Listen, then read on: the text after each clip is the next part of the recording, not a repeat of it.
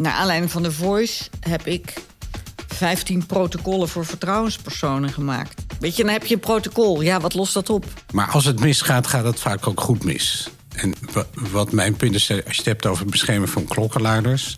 dat er weinig psychosociale ondersteuning is.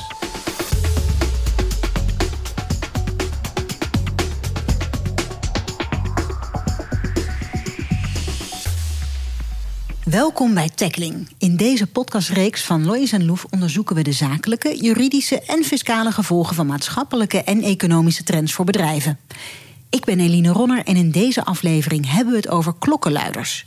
De nieuwe wet bescherming klokkenluiders zal dit jaar van kracht worden.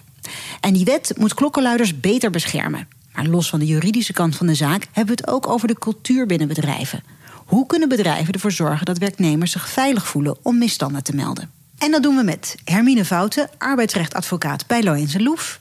En Rob van Eibergen, hij is organisatiepsycholoog en hoogleraar integriteit aan de Vrije Universiteit van Amsterdam. Welkom beiden. Dankjewel. Dank je. Voordat we de inhoud induiken, wil ik jullie eigenlijk een heel basale vraag stellen. Wanneer ben je een klokkenluider? Hermine, in, in juridische zin. Op grond van de wet ben je een klokkenluider als je ehm, in loondienst werkt en een misstand aan de orde stelt. En een misstand kan ik een heel lang verhaal over houden, maar dat gaat eigenlijk om een uh, situatie, een niet eenmalige situatie.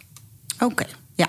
Dus het moet al langer structureel aan de gang zijn. Een, een structurele, um, onacceptabele situatie voor de klokkenluider.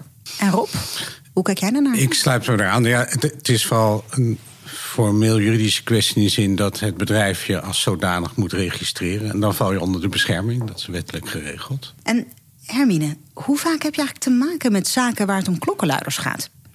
Nou, ingewikkeld hè. De wet klokkenluiders bestaat sinds uh, juli 2016. Daarvoor was er geen regelgeving. Um, Zo'n vijf tot tien keer per jaar. Dat is niet zo heel vaak. Nee geen dagelijkse kost. En Rob, hoe ben jij bezig met klokkenluiders? Ik heb er onderzoek naar gedaan. Uh, samen met een promovendus hebben we zo'n 30 klokkenluiders geïnterviewd. Dus hou ik ermee bezig. En verder praktiserend dat veel klokkenluiders mij vragen bij te staan voor organisaties. En dat heeft onder andere te maken met het falen, zoals ik me even noem, van het Huis voor Klokkenluiders. Die hebben ongelooflijk veel budget, maar die doen drie zaken per jaar. Dus dat vind ik, dat vind ik op zich een misstand. Mm Misschien ook goed om even uit te leggen, wat, wat doet dat Huis voor Klokkenluiders? Huis voor Klokkenluiders is een overheidsorgaan, zelfstandig, uh, die uh, meldingen kunnen onderzoeken. Dus als ze uh, binnen de organisatie niet kunnen uitkomen, kunnen ze naar het Huis voor Klokkenluiders gaan. En die gaan dan de misstand onderzoeken. Maar doen eigenlijk weinig voor klokkenluiders. En dat huis bestaat sinds 1 juli 2016. Klopt. Toen de wet is ingevoerd. Maar er is heel veel kritiek op, van alle kanten. Voordat we inderdaad dieper ingaan op wat er nou gaat veranderen en waarom, hoe zit het op dit moment met de bescherming van klokkenluiders, Hermine? Een klokkenluider die als zodanig door het bedrijf als klokkenluider is geaccepteerd, is beschermd tegen sancties, ontslag, degradatie, demotie, looninhouding, etc. En op dit moment, uh, stel ik, ik werk bij bedrijf X, ik uh, denk dat er een misstand aan de gang is, structureel, dan moet ik dat intern bij mijn werkgever melden. Dan moet je het eerst intern melden. En kun je uh, pas later, als er intern niks gedaan wordt, of naar jouw idee onvoldoende gedaan wordt, extern melden. En die externe melding bestaat dan uit een melding bij het Huis voor de Klokkenluiders of een melding bij een bepaalde toezichthouder. Ja. In de zorg heb je de inspectie. Uh, voor de financiële uh, wereld heb je de Nederlandse Bank en de AFM. En zo hebben we nog wat externe toezichthouders waar je naartoe zou kunnen gaan als je een misstand binnen je bedrijf aan de orde wil stellen. Ja, dat zijn veel instanties, uh, eerlijk gezegd. Denk ik me. Dan heb ik het Huis van Klokkenluiders, algemeen andere speci specifieke instanties? Je kunt altijd naar het Huis voor Klokkenluiders, maar je mag ook naar een specifieke instantie. Hey, en het, het, het, komt dus niet zo heel erg vaak tot een gang, uh, gang naar de rechter. Uh, Rob, hoe vaak kom jij tegen in je praktijk? Ja, veel. Wat ik net al zei. Ja, niet, niet, dagelijks, maar ik denk dat ik zo met 25 zaken per jaar te maken heb. Maar, maar ik vind het ook wel belangrijk te melden dat het in heel veel situaties ook goed gaat. Hè, want we benadrukken het, het ingewikkelde. Maar als het misgaat, gaat het vaak ook goed mis. En wat mijn punt is, als je het hebt over het beschermen van klokkenluiders, dat er weinig psychosociale ondersteuning is. Voor mensen is het een hele stressvolle zaak, vaak heel langdurig. En daar heeft Huis voor Klokkenluiders, maar ook bedrijven, vind ik daar weinig oog voor. Hebben daar weinig oog voor. Nee. En in welke fase gaat dat dan mis? Is dat al heel snel? Of? Nee, dat, het heeft vooral met tijdsduur te maken. Het begint vaak heel onschuldig. Het is een melding. Iemand die vanuit verbazing zegt: hoe zit dat eigenlijk?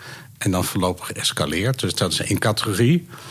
Maar je hebt ook een categorie, en dat heb ik ook, merk ik ook wel mee, dat de klokkenluiders melding wordt misbruikt bij een arbeidsconflict. Maar ja, gevolg en oorzaak vind ik vaak moeilijk, omdat meldingen vaak meestal altijd uitlopen op een, uh, op een arbeidsconflict. Maar ik vind dat interessant, want ja. mijn ervaring is dat een klokkenluider al vaak heel lang bezig is met het opbouwen van zijn melding. En voor de werkgever wordt het pas bekend op het moment van de melding. Dus die klokkenluider zit er tot over zijn oren in. Dan meldt hij, dan heeft hij een enorme stap gezet. En daar is heel weinig oog voor bij werkgevers. Ja, dat begrijp ik. Want het komt eigenlijk natuurlijk pas op, jouw bord, Hermine... op het moment dat het eigenlijk al vrij ver geëscaleerd is. Zeker. Dat, uh, En dat het zijn dus eigenlijk uh, maar, maar vrij het weinig... Het komt op twee redenen op mijn bord. Eén, een werkgever krijgt een melding... weet zelf niet wat hij ermee moet doen... en vraagt aan mij... Um, hoe moet ik dit onderzoeken? Of moet ik dit onderzoeken? Of wat moet ik ermee? Of ze hebben het zelf al helemaal uitgezocht, zijn tot een conclusie gekomen en willen iemand ontslaan. En dat kan zijn de klokkenluider zelf, of het kan zijn degene tegen wie. Um, de klok is een bezwaar, ja, ja, precies. Een bezwaar is geuit. Ja. En hoe lang is een zaak al bezig doorgaans uh, voordat hij op je bord terecht komt? Hoe lang loopt zoiets? Maar maanden sowieso. Minstens een paar maanden. Ja, ja. ja dus al wel een, een tijdje. Ja, en het is volgens mij psychisch heel belastend ja. om klokkenluider te zijn. Ja, zeker. Uh, ja, en wat me ook opvalt, dat het zijn vaak niet kwade intenties van bedrijven, maar ongelooflijke klunzigheid hoe ze daarmee omgaan. Bedrijven gaan dus soms vrij klungelig om met meldingen. Kun je daar een voorbeeld van geven? Nou, het eerste wat je ziet, dat er een soort angst ontstaat. Dus bedrijven schieten in een kramp met elkaar. En doen dan ongelooflijk onhandige dingen. Dus die gaan of meteen het gevecht aan. Uh, of uh, ze gaan andere mensen bij betrekken. Terwijl je eigenlijk, als er zo'n melding komt, probeert eerst eens te objectiveren. Wat er nou eigenlijk aan de hand? De feiten boven tafel te krijgen. En zorg dat de, de klokkenluider, dat je die wat ondersteunt. Of stuur die even met tijdelijk op vakantie of weet ik wat. Maar probeer het wat rust te bewaren. Maar niet meteen in paniek te schieten. En vaak is dan ook nog een dreiging van de media erbij. Ook daar wordt dan heel onhandig mee omgegaan door dingen te ontkennen meteen in de eerste instantie. Of onmiddellijk een onderzoek aan te kondigen. Ja, precies. Heel zware middel in te stellen. Advocatenkantoor erbij te halen. Daar heb ik niks tegen overigens. Maar, maar daar zou ik even mee wachten. Maar kijk eerst zelf eens, wat is er nou precies aan de hand? dus als ik dat voorbeeld mag noemen van de Tweede Kamer met uh, Volt dat vind ik echt, ik heb het laatst ook in de krant gezegd, vind ik zo onhandige uh, manier van omgaan. De principes van hoor en wederhoor zijn gewoon helemaal genegeerd. Iemand wordt meteen op normatief gesteld en wij zijn daadkrachtig bezig. Daarmee... Dat is een mooi voorbeeld, want het is daar direct gejuridiseerd. Ja, precies. Volstrekt onnodig. Eerst eens even kijken wat er aan de hand is. Nou. Ja, dat is toch wel een balans vinden tussen enerzijds de melding serieus nemen maar anderzijds ook niet direct uh, de escalatieladder helemaal. Uh, en je moet de melding altijd serieus nemen, maar ga met, ga met hun rust erin. En de eerste stap is: wat is er aan de hand? Ga dat gewoon onderzoeken. Geen paniekgedrag. Waarom, uh, waarom gaan we eigenlijk überhaupt een nieuwe wet invoeren? Omdat er een Europese richtlijn ligt. Die hebben lidstaten, lidstaten zijn verplicht die richtlijn in te voeren. En de, de richtlijn in, voorziet in meer bescherming voor klokkenluiders. Had al ingevoerd moeten zijn in december vorig jaar. Uh, Nederland ligt er een wetsvoorstel, maar we hebben een wisseling van de wacht gehad. En onze nieuwe minister, zij kijkt er nog eens even naar. En in april van dit jaar horen we of ze nog gaat aanpassen... of de wet zoals die er nu ligt uh, gaat worden ingevoerd. Ja, en wat is de, het verwachte tijdspad? Wanneer kunnen we verwachten dat dit. Nou, als de minister in april zegt we gaan het invoeren, dan is het na de zomer ingevoerd. Als ze zegt ik ga er nog eens naar kijken, dan zou het best nog eens een hele tijd kunnen duren. En Hermine, wat gaat er concreet veranderen als die nieuwe wet, zoals hier nu ligt, ook in werking zal treden? Nou, de belangrijkste wijziging is dat je uh, direct extern kunt melden. En dan de melding kan dan zijn bij het Huis voor de Klokkenluiders of bij een externe autoriteit, wat ik net zei. Dat, um, dat is een beetje technisch, maar de bewijslast keert om. Dus nu is het zo: een werknemer meldt zichzelf en zegt: Ik ben een klokkenluider. En dan kan de werkgever zeggen: Nou, dat ben je niet. Als de bewijslast omkeert, dan betekent dat dat als de werknemer zichzelf als klokkenluider meldt, dan is hij dat. Tenzij de werkgever kan bewijzen dat hij het niet is. Want het zijn ook straks niet alleen maar werknemers die kunnen melden, maar ook uh, ZZP'ers, leveranciers, iedereen die met. Stagiaires. Ja. ja. iedereen die met de bedrijven te maken heeft. En uh, er komt een verbod op zwijgbedingen voor klokkenluiders. We hebben natuurlijk uh, de Voice-affaire net gehad. Daar hebben alle deelnemers aan de Voice, hadden, begrijp ik uit de pers, um, getekend voor geheimhouding ten aanzien van alles wat ze daar meemaakten. Um, dat mag straks niet meer. Als het gaat om klokkenluiden. Ja, merk je nu ook als een, uh, als een klokkenluiderszaak uiteindelijk uh, beslecht wordt, um, dat er in een, een, uh, dat er in een, een, een schikking over en weer wordt, wordt afgesproken. Nou, we houden verder onze mond. Dat er een zwijgplicht wordt opgenomen over de zaak? Nou, het is heel gebruikelijk om bij een ontslagzaak, als je een regeling treft, af te spreken dat partijen niet zullen praten over de aanleiding voor het ontslag. En dat is natuurlijk niet alleen in het belang van de werkgever. Dat is ook in het belang van de werknemer. Dat je gewoon weer verder kunt. Zonder dat de werkgever na jouw ontslag um, op straat kan gooien waarom je nou precies ontslagen bent. Dus, dat is, dus in dat soort overeenkomsten staat bijna altijd een geheimhoudingsbeding. Uh, maar wat straks niet meer mag, is mensen verbieden om de klok te luiden. En Hermine, uh, om ook te voldoen aan natuurlijk die, uh, die nieuwe wet, dan moeten ook werkgevers aan de slag, lijkt me. Die moeten hun huidige regelingen aanpassen. iedereen met meer dan 50 werknemers heeft in 2016 een klokkenluidersregeling moeten opstellen en maken. Um, en ja, die regeling moet worden aangepast. Met name ten aanzien van in extern melden, de definitie van wat je kan melden. Um, hè, we zeiden net, het zijn misstanden. Straks gaat het ook om inbreuken op unierecht. En een unierecht is bijvoorbeeld: gij zult niet witwassen. Dus als je een witwas wil melden, dan kan dat meteen. Dan hoeft het niet iets structureels te zijn. Dus die regelingen moeten worden aangepast. Ja, dat lijkt me ook in het, uh, in het vinden van bewijs, lijkt me dat ook wel gevolgen hebben. Ja. De regeling moet worden aangepast, ja. maar ook bekend worden gemaakt, want daar gaat het ook vaak mis mee. Dat werknemers gewoon niet weten dat er zo'n regeling bestaat.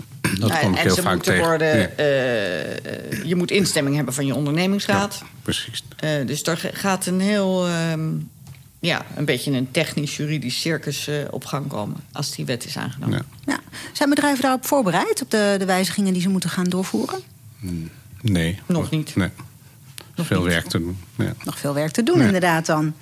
En Rob, ben je tevreden met deze wijzigingen? Uh, ik vind het een verbetering, zeker. Maar dat zei ik eigenlijk zo net. Wat ik onvoldoende nog vind, is het oog om de begeleiding van klokkenluiders. Zowel van bedrijven, van het huis of andere organen. Het gaat vooral inhoudelijk, inhoudelijk technisch op die meldingen.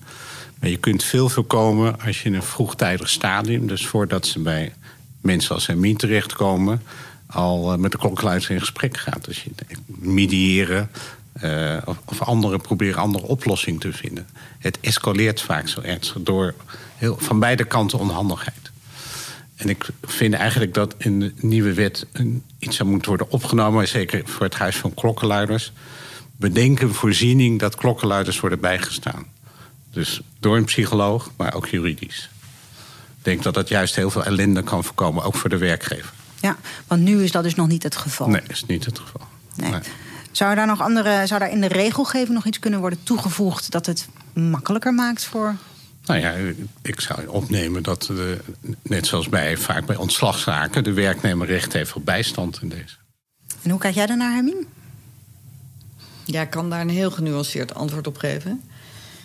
Op zichzelf ben ik het helemaal met Rob eens dat um, de beste manier om met klokkenluiders om te gaan is in een heel vroeg stadium in gesprek gaan. Sterker, in een nog eerder stadium ervoor zorgen dat je een cultuur in je bedrijf hebt waardoor mensen gemakkelijk hun mond open doen.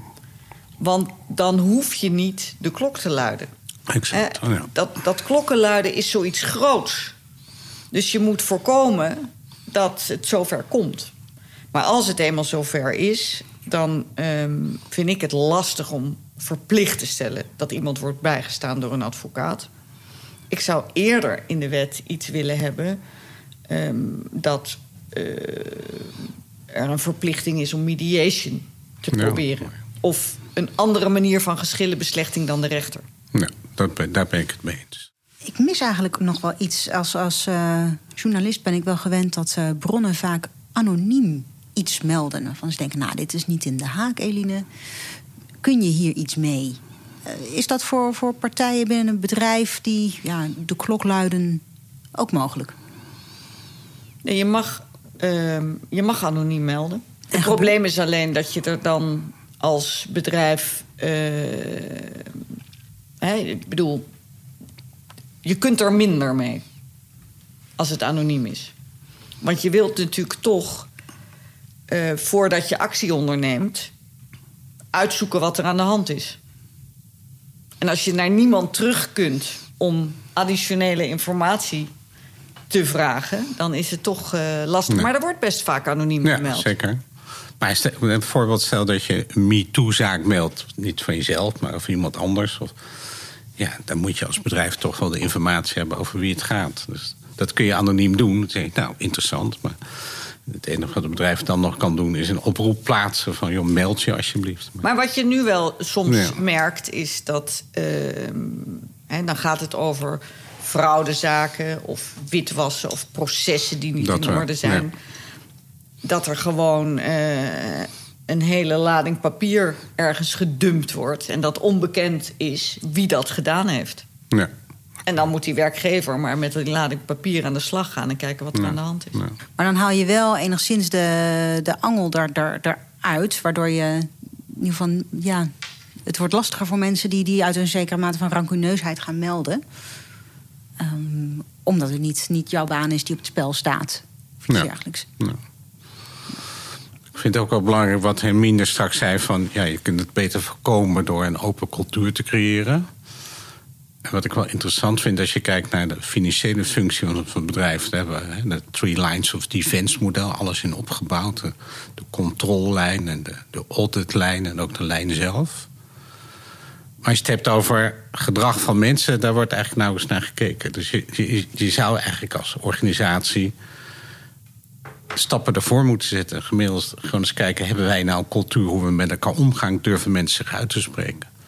En ook het instituut vrouwen, vertrouwenspersoon erin op te tuigen. Eigenlijk zou de klokkenluidingsregeling een soort last resort moeten zijn. Ja. Ja. Want hoe creëer je zo'n open cultuur waarin er vrij kan worden gemeld?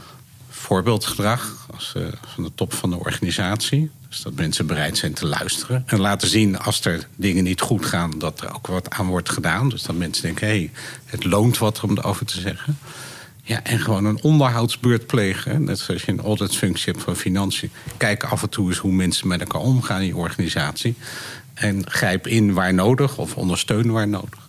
Zijn er ook concrete acties die je wel ziet gebeuren aan de top van bedrijven... Waar, waaruit je opmaakt van, nou, dat doen ze nou echt heel erg goed. Dat is een klein voorbeeld van op deze manier je ook als, als leiderschap kwetsbaar opstellen.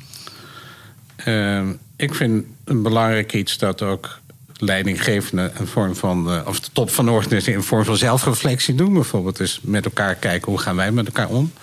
Ja, en een thema waar Nederland absoluut achter, achterlijk in is, vind ik diversiteit. Dat helpt heel erg. Als je jong, oud, man, vrouw aan de top van een organisatie hebt, krijg je een hele andere cultuur. Waar het veel makkelijker is met elkaar in gesprek te gaan. En ook We hebben natuurlijk heel erg de neiging om uh, het in procedures te zoeken. Ja. Dus um, naar aanleiding van de Voice heb ik 15 protocollen voor vertrouwenspersonen gemaakt. Dat lost natuurlijk. Nee, Weet je, dan heb je een protocol. Ja. ja. wat lost dat op? Ja. En vanuit de media wordt er ook al vaak gezegd: zo'n vertrouwenspersoon moet iemand zijn die buiten de organisatie staat. Die kan er tenminste objectief naar kijken. Uh, wat vinden jullie daarvan, Hermine? Dat is waar. Uh, maar tegelijkertijd is het ook een drempel. Kijk, ik heb de waarheid daarover niet in pacht. Ik kan alleen op basis van ervaring zeggen dat mijn indruk is dat mensen makkelijker melden als het intern is. Maar dan wel bij een loket wat onafhankelijk is van de lijn. Je moet niet hoeven melden bij iemand die ook indirect of direct je beoordeling doet. Of je werk verschaft. Of naast je in de kamer zit. Of uh, de salarissen bepaalt. Ja. dus een integriteitsofficer. En ik ben ook een beetje allergisch voor weer nieuwe functies. maar iemand die speciaal daarvoor is aangenomen, uh, werkt denk ik het beste. Ja. Rob? Ik geloof, ik, ik, heb er ook net een onderzoek naar afgerond toevallig, onder vertrouwenspersoon. Maar mijn conclusie is dat je, wat mij betreft, een combinatie zou moeten hebben van intern en extern. Bij intern is de drempel vaak lager. Maar dat is, dat is één observatie. En dan helpt het bij sommige zaken is mensen makkelijk naar extern te gaan. Maar ik vind het ook belangrijk dat die interne vertrouwenspersoon een bepaalde statuur heeft. En dat het niet een ik zeg het even heel onpopulair, een yoga-mevrouw is die de wereld wil redden. Maar dat, dat hij een positie heeft in de organisatie waar ik naar geluisterd word. En ik zie te veel in veel organisaties vertrouwenspersonen die eigenlijk ja, zoiets. Een leuk iemand die goed met mensen om kan gaan. Ja, en het goed kan luisteren. bij HR. Exact. Nou, dat moet je juist niet doen. Het moet, het moet onafhankelijk zijn en een positie hebben. Ja, ja, dus het moet onafhankelijk zijn, maar ook wel heel belangrijk. Ja, nou ja, maar dat, dat beide, dat sluit elkaar niet uit, van mij betreft. Maar die combinatie intern en extern vind ik ook wel belangrijk. Ja, en ik vind ook in bedrijven met een raad van commissarissen... Ja. moet die functie een direct lijntje met de raad van commissarissen. Ja. Dan ga je toch bijna naar een hele aparte functie toe. Ja, dat geloof ik ook. Bij grote ondernemingen, niet, niet bij een bedrijf van 50 mensen... maar dat het belangrijk is. Ja, ja. en, en zo'n persoon, zal die dan ook echt een, een, bijdrage kunnen leveren aan wat we al, waar we het al eerder over hadden? Hè? En het, toch het scheppen van wel een cultuur van dat je zaken kunt melden? Zeker, die preventie is natuurlijk heel belangrijk. Dus die kan voorlichting geven, die kan dingen signaleren, trends signaleren. En zichzelf ook bekendmaken. Dus niet alleen maar dat op het moment dat er iets is, daarnaar luisteren, maar in het stadium daarvoor. En ik heb daar wel goede voorbeelden van waar dat goed werkt. Kun je het noemen? Een uh, aantal ministeries zijn er heel goed mee bezig. Uh, toevallig niet de Belastingdienst, maar dat is een ander verhaal. Uh, Economische Zaken heeft daar een heel ja, uitgebreid protocol... waar mensen heel actief bezig zijn om mensen voor te lichten... leidinggevenden ook te adviseren om dingen te voorkomen. En stel dat het nou echt al helemaal mis is... Um, hoe kun je dan het, het, het wel doorbreken? zo'n zo'n cultuur. Ehm, om een beetje in het voice voorbeeld te blijven. Uh, we hebben misschien allemaal ook eh, John de Mol gezien op televisie. Um, ik denk, maar dan spreek ik voor mezelf, een oprechte poging om ook wel iets goeds te doen en hier aan bij te dragen. Het, het, het liep alleen toch iets anders. Hij zag niet dat hij onderdeel van het probleem was. Nee. Exact. En dat, dat kan misschien wel bij meer organisaties spelen, waarbij er nog geen cultuur is waar toch blijkbaar openlijk gemeld kan worden. Nou ja, wat je heel veel ziet is dat in de tegenwoordige media wordt heel veel gefocust op MeToo-zaken. Maar dat is één element. Het gaat voor mij om machtsongelijkheid. En vooral het misbruik daarvan. Machtsongelijkheid is op zich niet het probleem. En dat je dus als leidinggevende, als bestuurder, als John de Mol bewust bent dat als jij iets zegt, dat het iets anders betekent dan iemand daaronder. En dat geldt ook van die mensen in de organisatie. En dat dat een bepaalde verantwoordelijkheid met je meebrengt. Dus zijn stelling, en ik vond het ook een oprecht interview. Maar zijn stelling, ja, we moeten, hij zei het niet zo, maar we moeten die meisjes leren om te melden. Dat is natuurlijk onzin. Het gaat, gaat om, dat moet je ook doen. Maar het gaat om die combinatie. Het gaat om de interactie daartussen. Ja. En, en vind je dan ook dat um, regelmatig oproepen om dingen te melden, dat dat eigenlijk niks toevoegt? Nee, dat is een beetje inflator. Ja. Dat is voor, voor de bühne, Zo, hè? Dat, is nu, dat zie je nu in heel veel bedrijven door de. Nou ja, dat is hetzelfde met die Ja. protocollen voor ja, vertrouwenspersonen. precies. Ja. Nee, dan Ik kijk. bedoel, dat is een nieuwe Nee. business. Ja, precies. ik vind het prima. Ja. Maar het levert Ja. natuurlijk ehm, feitelijk niks op aan veiligheid. Nee, want je, je ziet nu een hele integriteitsindustrie ontstaan. Hè? Dus een Ja. protocollen schrijven, maar adviezen, morele dilemma-trainingen, weet ik wat je allemaal niet kan bedenken. Maar de basis is natuurlijk is gewoon de lijn zelf. Die moet het voorbeeldgedrag laten zien. Het is, eh, Nou, wat bijvoorbeeld, denk ik, wat goed werkt. ehm, wij hebben in de advocatuur moet je je jaarlijks bijscholen, ook als het gaat om gedrag.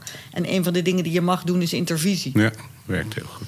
En ik denk wat heel goed wer- zou werken in grote bedrijven is als je een soort ja, verplichte intervisie. Groepen van mensen die onder leiding van iemand gesprekken voeren over dilemma's, zodat je in een veilige setting dingen op tafel kan leggen die je meemaakt.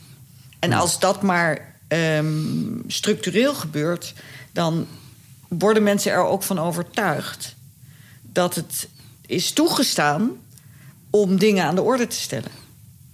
Ja, dus dat zou wel een manier kunnen zijn om, om echt zo'n cultuuromslag wel te bewerkstelligen. Want ik kan me voorstellen dat er zo is ingesleten op een gegeven moment in mensen hun gedrag. Ja, dat het heel lastig is om dat te doorbreken. cultuur gaat natuurlijk over gedrag. En wat, wat je nu heel veel hoort, is dat heel veel mensen kritisch zijn. Ja, nu komen opeens al die verhalen naar buiten. Waarom hebben mensen dat niet eerder gemeld? Nou, dat is een heel bekend sociaal-psychologisch fenomeen. Als je in een bepaalde afhankelijke situatie zit, dat je, als er MeToo-achtige dingen wordt, geldt ook voor andere zaken, dat je het aan jezelf gaat wijten.